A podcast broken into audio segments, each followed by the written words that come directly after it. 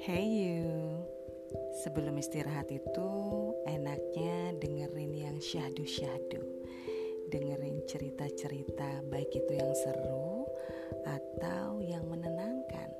Cerita cinta, cerita sedih, drama, even horror.